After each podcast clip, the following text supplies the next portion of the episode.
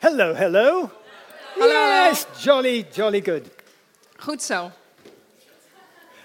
Ladies and gentlemen, we introduce Tama for a long time and a long time as translator. Tamar de vertaler van lang geleden. She needs all the applause she can get, believe me. Right.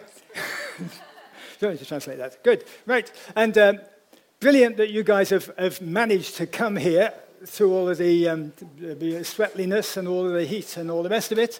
Wonderful that you're here. Geweldig dat het allemaal gelukt is om te komen door alle warmte en alle gedoe om eh, je, je plek hier te bereiken.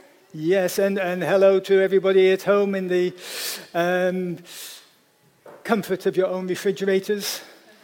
En ook hallo tegen iedereen die lekker dicht bij zijn eh, koelkastje zit. And welcome to the preach. En welkom bij de preek. Okay. Here is a, um, a not a trick question. Here is a question. Hier is een vraag. Geen eh, strikvraag, maar een gewone vraag. The Indian on the left. Indian on the left. Who is that? De Indiaan aan de linkerkant, wie is dat? Pope. Jolly good, jolly good. Heel goed. Pope Francis. and this, as we all know, was the time when Pope Francis apologized to the Canadian Indians. En zoals we weten is dit het moment waarop eh, Paus Franciscus zijn excuses kwam aanbrengen ehm, aan de eh, Indianen van Canada. There's a real word for Indians, but I can't remember it, so we won't use it. Whatever. Good. Um, and he apologized for the atrocities committed against the children. En hij kwam daarom zijn excuses aan te bieden voor de wreedheden die gepleegd waren tegen hun kinderen. And these children were taken from their parents, from their tribe, and placed in Indian residential schools. En die kinderen waren uit hun eh, huizen genomen en in eh, Indiaanse in de internaten gestopt. And these schools were set up by the Canadian government and run by both the Catholic and Protestant churches. En, eh, sorry. They were set up by the government. Ja, oh ja, ze waren door de Canadese overheid opgezet. En ehm, ze werden geleid door zowel de protestantse als de katholieke kerk. And they ran from the 1880s until the late 1990s, would you believe? En je kunt het haast niet geloven, maar deze ehm, scholen werden vanaf het, eh, het einde van de eh, jaren 1880 tot het eind van de jaren 1990 werden die scholen gerund. That is not long ago, just before millennial. Dat is echt nog niet lang geleden. Dat is vlak voor het eh, begin van het nieuwe millennium. The USA also had their own version. En in de Verenigde Staten hadden ze hun eigen versie hiervan. The American, of course, Indian residential schools. En de Amerikaanse eh Indianen-internaten. And these were set up and run by missionaries and paid for by the government. En deze waren opgezet door evangelisten en werden betaald door de overheid. And the motivation um, in both countries was to raise children as good, civilized Christians. En de motivatie achter eh, beide scholen was om kinderen op te voeden als goede, beschaafde christenen. away from the heathen practices and beliefs of their own people. Ver weg van hun, de eigen heidense praktijken en overtuigingen van hun eigen volk. Some may believe that the motivation justified the means, but it all went very wrong. En sommige mensen geloven dat de motivatie eh, het, de middelen heiligen, maar het is allemaal heel erg misgegaan. Recently, 215 children's graves were unearthed at one of the schools. Kort geleden zijn 215 graven van, de, van kinderen eh, opengelegd. and many others throughout the years at the other schools. En ook in de afgelopen jaren eh, nog vele andere bij andere scholen. Now, personally, this is just me, I'm not convinced that the original motivation was really moral, but that's just me. En het is mijn persoonlijke mening dat zelfs de originele motivatie ehm, niet heel moreel was. It's just me, just me. Misschien ligt het aan mij. Yeah. Uh, this, though, is just the latest, possibly, example of things set up in the name of our Lord going sadly wrong. En dit is slechts een van de meest recente voorbeelden van dingen die opgezet waren in de naam van de Heer, ehm, die helemaal misliepen. My brother in law, John, John the Grey, his children call him, um, had an aunt who was an orphan. Mijn zwager eh, John, John de Grijze zoals we hem noemen, eh, had een tante die een weeskind was.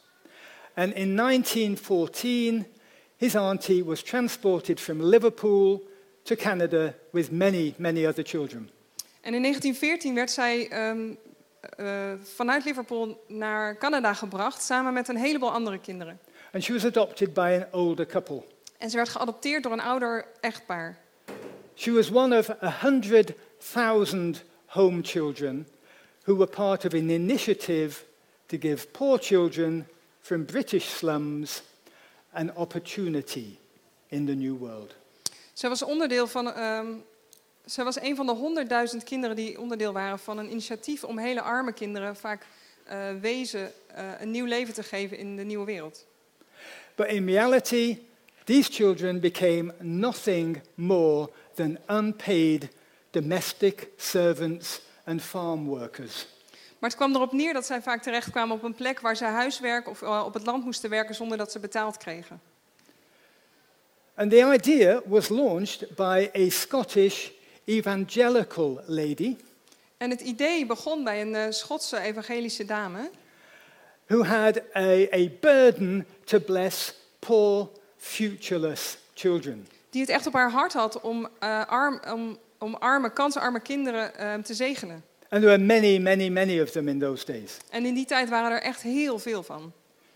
Brilliant idea, right? Goed idee, toch? I think so. But badly misused eventually by greedy people. Het was echt een goed idee, maar hij is, het, het idee is verschrikkelijk misbruikt door, eh, door hebzuchtige mensen. And these people basically created a system to turn children into a commodity, into slaves. En deze mensen hebben eigenlijk een systeem opgezet waarin kinderen eh, niet meer dan een product waren en, eh, en tot slaaf gemaakt werden. The original slaves in many, not a lot of laughs at the moment, right? Not a lot of laughs. Anyway, the original slaves in many Caribbean countries, the original ones, were from Britain, Europe, and India. Van origine waren veel eh, slaven in het Caribische gebied eh, Britten, Europeanen en eh, mensen uit India. They were usually convicted prisoners who the country was happy to get rid of, Het waren vaak gevangenen waar het land graag vanaf wilde. uh, or just some of the very many poor people who had no work and no future. Of een van de vele arme mensen die geen werk hadden en geen toekomst. In all cases, these were called indentured laborers, In alle gevallen waren dit mensen die, waren, die werden gecontracteerde werkers genoemd. and these were people who were obliged to sign a contract to work for food and lodgings. En deze mensen werden gedwongen om een contract te tekenen om te werken voor eh, voedsel en onderdak. but no pay, Maar ze werden niet betaald. indefinitely. Voor, voor eeuwig. Basically, they became the property of their employers. And these were people just like you and me. In feite werden ze ehm, het eigendom van de mensen voor wie ze werkten. En dit waren mensen net als jij en ik.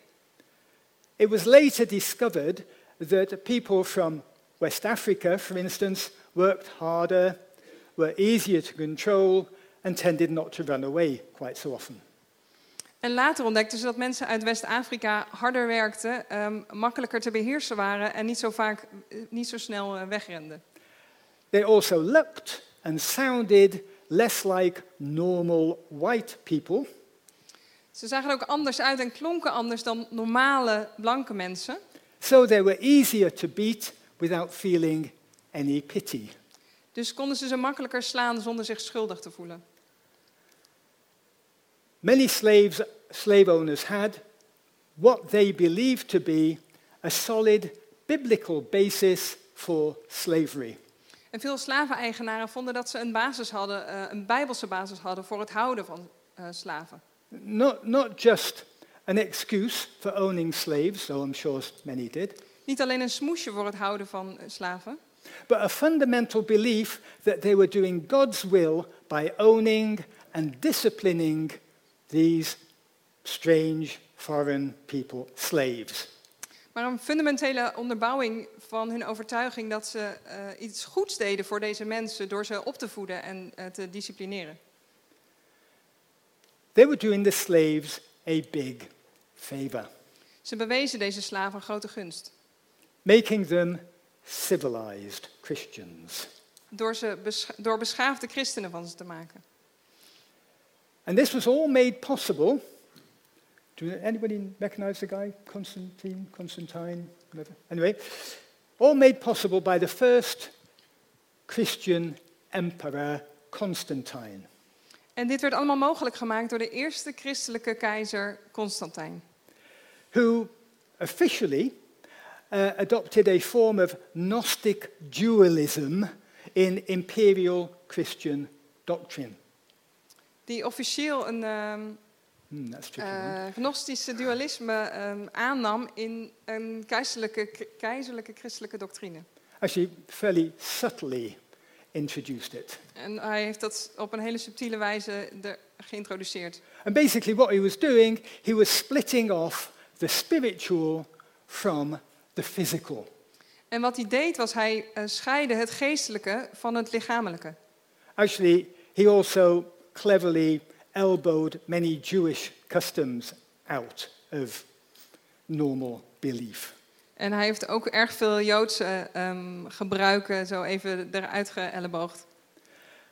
Um, John 1:3 states, "Through him all things were made, and without him was made nothing that has been made." In Johannes 1 vers 3 staat, alles is erdoor ontstaan en zonder dit is niets ontstaan van wat bestaat. Get that? Basically, it means that everything contains the Creator's DNA, if you like. Het komt erop neer dat, wat er, dat er staat dat alles wat geschapen is, als het ware het DNA van de schepper bevat. Or at the very least, uh, because he bothered to create it, then everything, everything has remarkable value. Of op zijn minst, omdat hij de moeite nam om het te scheppen, heeft het buitengewone waarde. And this dualist doctrine said that the spiritual was important and the physical was unimportant. En die dualistische doctrine zei eigenlijk dat het spirituele belangrijk was, maar het lichamelijke, het fysieke niet. And we have many examples of Paul preaching against this. People were doing all sorts of wacky things because they believe this. En we hebben veel voorbeelden van preken van mensen die eh, hiervan overtuigd zijn en daardoor heel gekke dingen beweren. Yeah, Pa- Paul had, a, a, had big issues with people who were doing strange things because they believed that the physical was absolutely of no value. En Paulus had heel erg moeite met ehm, dat soort beweringen, omdat er mensen waren die zeiden dat het lichamelijke hele- er helemaal niet toe deed. Okay, and because of this, basically, the Roman Empire was able to use and abuse people and the environment. En hierdoor kon het Romeinse keizerrijk ehm, misbruik maken van mensen en het milieu. eh, ehm, ja. Yeah, because they weren't of any value. So just use them. Omdat ze van zichzelf geen waarde hadden, dus je kon er gewoon gebruik van maken. They didn't matter, they were just physical commodities to be used. Eh, ze, ze deden daar niet toe, het waren gewoon eh, fysieke producten om te gebruiken. And because many of our va- evangelical values are still, still subtly based in this, not heavily, but subtly, En omdat veel van onze evangelische waarden nog steeds hierdoor subtiel worden beïnvloed, niet heel erg, maar wel op een subtiele manier. and not just ours, but, but much of the Western world is, has this vague concept. En niet alleen voor ons, maar veel van de westerse wereld heeft nog iets van dit concept. And this goes a long way to understanding why we're in such a mess. En dit verklaart veel van waarom we er zo'n rommeltje van maken. Constantine also introduced cleverly a strict hierarchy system, which wasn't there before. Constant, Constantijn heeft ook een eh, hele strikte hiërarchie geïntroduceerd die er voorheen niet was. meaning that everybody had to do what was told them by their superior. Waardoor iedereen moest doen wat degene boven hem ehm, hem opdroeg. And also, he introduced uniformity, En hij introduceerde ook uniformiteit. which ensured that all believers believed exactly the same thing and exactly what he had told them to believe. Wat zorgde dat iedereen hetzelfde moest geloven, precies hetzelfde, en dat was hetgene wat hij hen opdroeg te geloven. That was church history for dummies. Dit was in het kort kerk, kerkgeschiedenis voor dummies. Basically, everything seems to have gone sadly wrong. Het lijkt erop dat alles heel erg misgegaan is. So the big question is written on the board for the hard of hearing De grote vraag is, voor de doven staat het achter mij, why do good things go so badly wrong? waarom kunnen goede dingen zo misgaan? Any ideas? Heeft iemand een idee? Wise move. They're just chatting. Good. We can blame um, Russian hackers for causing uh, Brexit and splitting American politics into a banana republic and something else, but it runs much deeper than that. We kunnen Russische hackers de schuld geven van de brexit en de tweespalt in Amerikaanse politiek, maar het gaat dieper dan dat. The underlying connection between all of these disasters is the fall of mankind. De, de onderling, het onderliggende verband tussen al deze ehm, rampen is eh, de val van de mensheid. the very beginning. Yeah. God said to Adam, Cursed is the ground because of you. I'm not pointing at you, sorry. Cursed is the ground because of you. Excuse me. Cursed is the ground. It's not his fault. Anyway, maybe. Don't worry. Cursed is the ground because of you.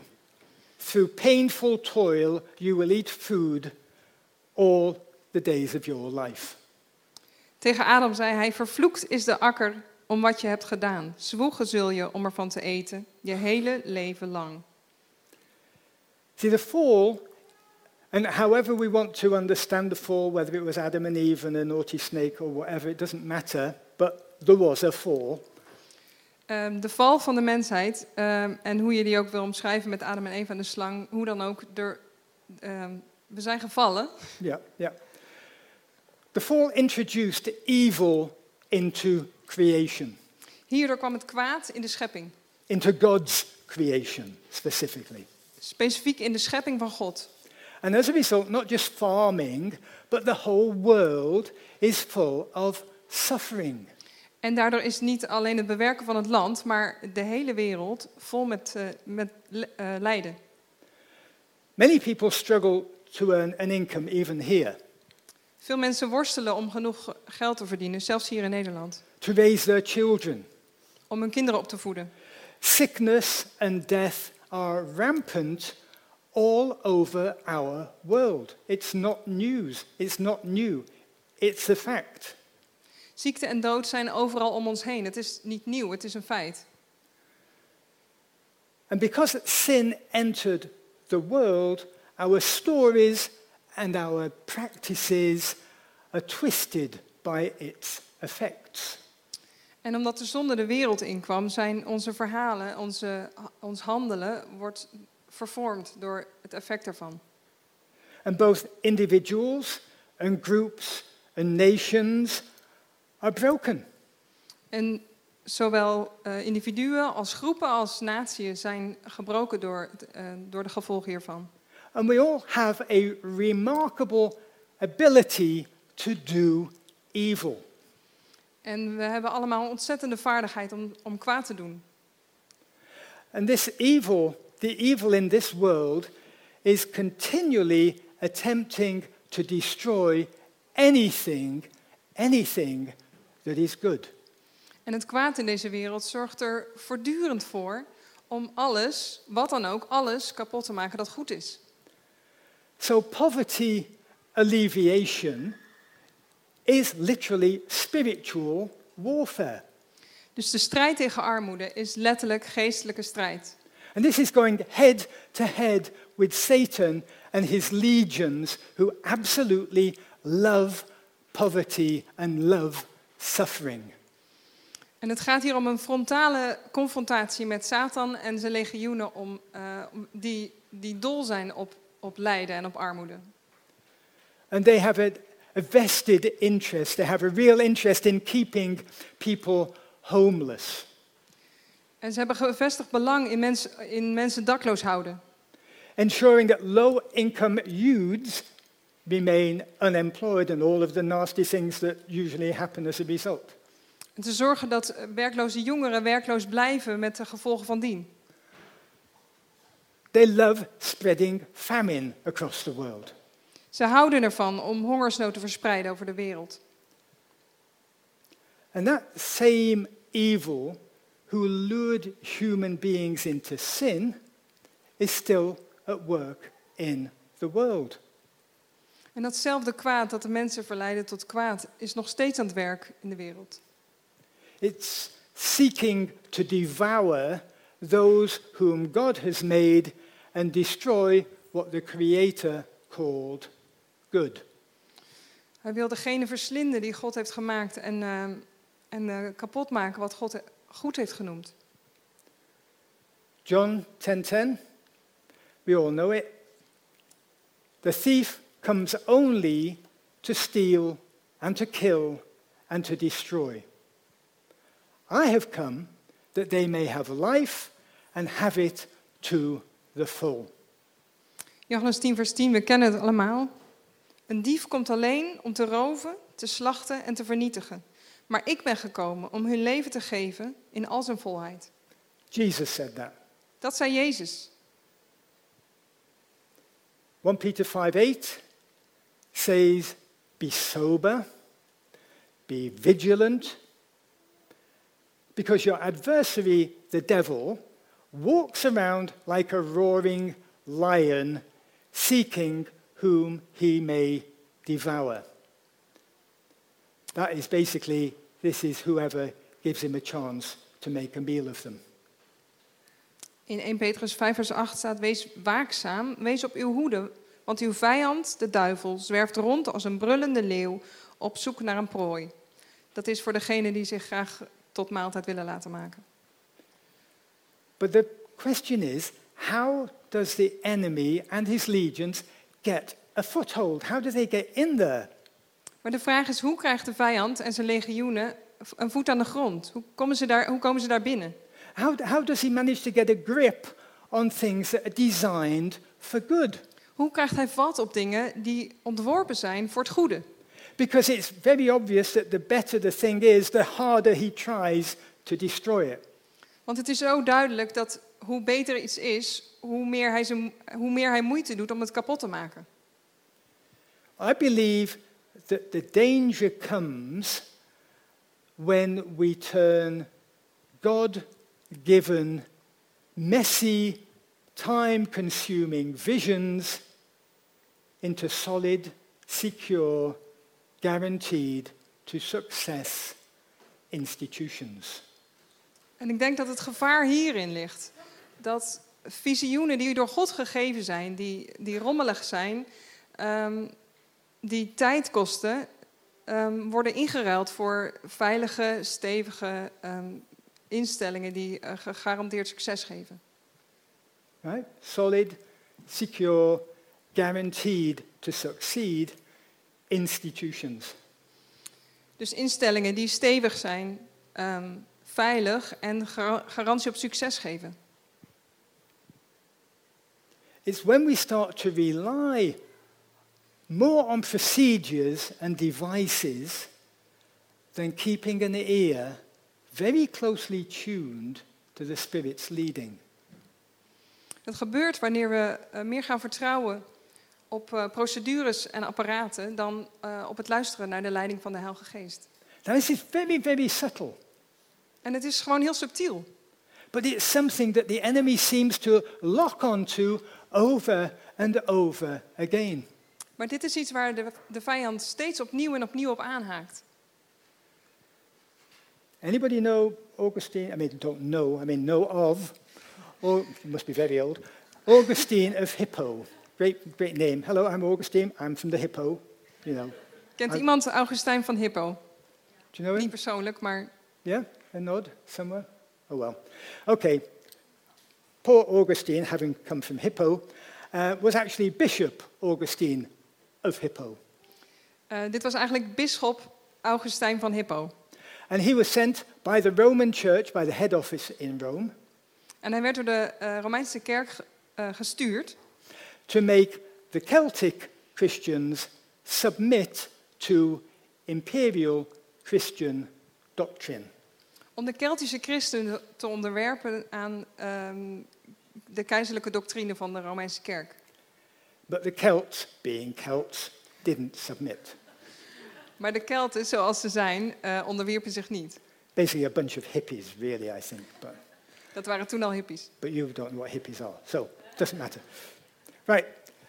Um, and like Augustine, the same thing that happened to him, we, become, we can become nervous and afraid. En net als hij worden wij soms eh, nerveus en, en bang. And we can become allergic for anyone who challenges our authority or threatens to undermine our position. En worden we allergisch voor degenen die zich niet onderwerpen aan onze autoriteit of die onze positie bedreigen. Then, just like Augustine, we start to make bad decisions. En dan gaan we, net als Augustijn, verkeerde keuzes maken. Sometimes we lash out Eh, soms worden we boos. and we open the door for the enemy to twist and to distort things. En dan zetten we de deur open voor de vijand om dingen te verdraaien en kapot te maken. I'm not blaming Augustine, he came from Hippo, so what you to do? Ik geef hem niet de schuld, hij kwam eh, uit Hippo. Actually, that was North America, North Africa somewhere, I think. But anyway, don't. Ik denk dat dat ergens in het noorden van Afrika ligt. Ik weet het niet zeker. we can become conceited in our righteousness. En we kunnen arrogant worden in onze, eh, in onze rechtvaardigheid. We can become conceited in, in our belief that we, only we, have the whole truth. Thank you. En we kunnen hooghartig worden in het idee dat wij de hele waarheid bezitten. Maybe even, maybe even that we're the only really chosen ones.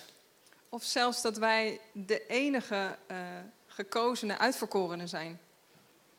And there is a remarkable arrogance in believing that we know it all.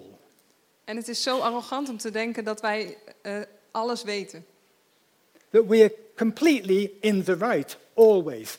Dat we altijd gelijk hebben. That we, like the Pharisees, are the good guys. Dat wij net als de fariseeën de good guys zijn. Read the notice. Far too often, we've created God in our own image. En veel te vaak hebben we God naar ons beeld geschapen. A God who is familiar, who is safe, who is controllable. Een God eh, die bekend is, een God die veilig is, een God die we onder controle hebben. This is not a, a nationalistic insult, but this is Holland and we like things to be under control, right? Ik Do bedoel niet nationalistisch, maar eh, als Nederlanders willen we toch graag eh, de boel onder controle hebben. That's why it all works. Daarom werkt alles zo goed. Well, the news is that our Lord God isn't any of these things. Maar onze Heere God is geen, geen van deze dingen.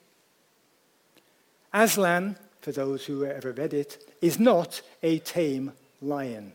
Aslan, voor als je het verhaal kent, is geen tamme leeuw. He's not a comfortable God. Uh, hij is geen gemakkelijke Heer. And so often he calls us into situations that are distinctly uncomfortable. En hij roept ons vaak naar situaties die juist niet comfortabel zijn. And situations that, that demand our reliance on, on his power. En naar situaties um, die het vereisen dat we vertrouwen op zijn kracht. That rely on his great grace and sometimes his rescue. En dat we vertrouwen op zijn genade en soms zelfs zijn redding. But things don't have to go wrong. Maar dingen hoeven niet mis te gaan. However powerful the enemy thinks he is. Hoe machtig de vijand ook denkt dat hij is. And however risky the path is that we tread. Hoe riskant de weg ook is die we moeten gaan. Because our Lord is, is very, very happy to bless the things we do, that He's given us to do. Want God wil juist de dingen zegenen die we doen, die Hij ons geeft om te doen. To move forward. Om vooruit te gaan. To do new things, to do good things. Om nieuwe dingen te doen, om goede dingen te doen. To do great things. Om grootse dingen te doen. But the trick is, we just have to stay remarkably close to Him. Maar we moeten dan wel heel dicht bij Hem blijven. We have to listen closely to what He says. We moeten goed blijven luisteren naar wat Hij zegt.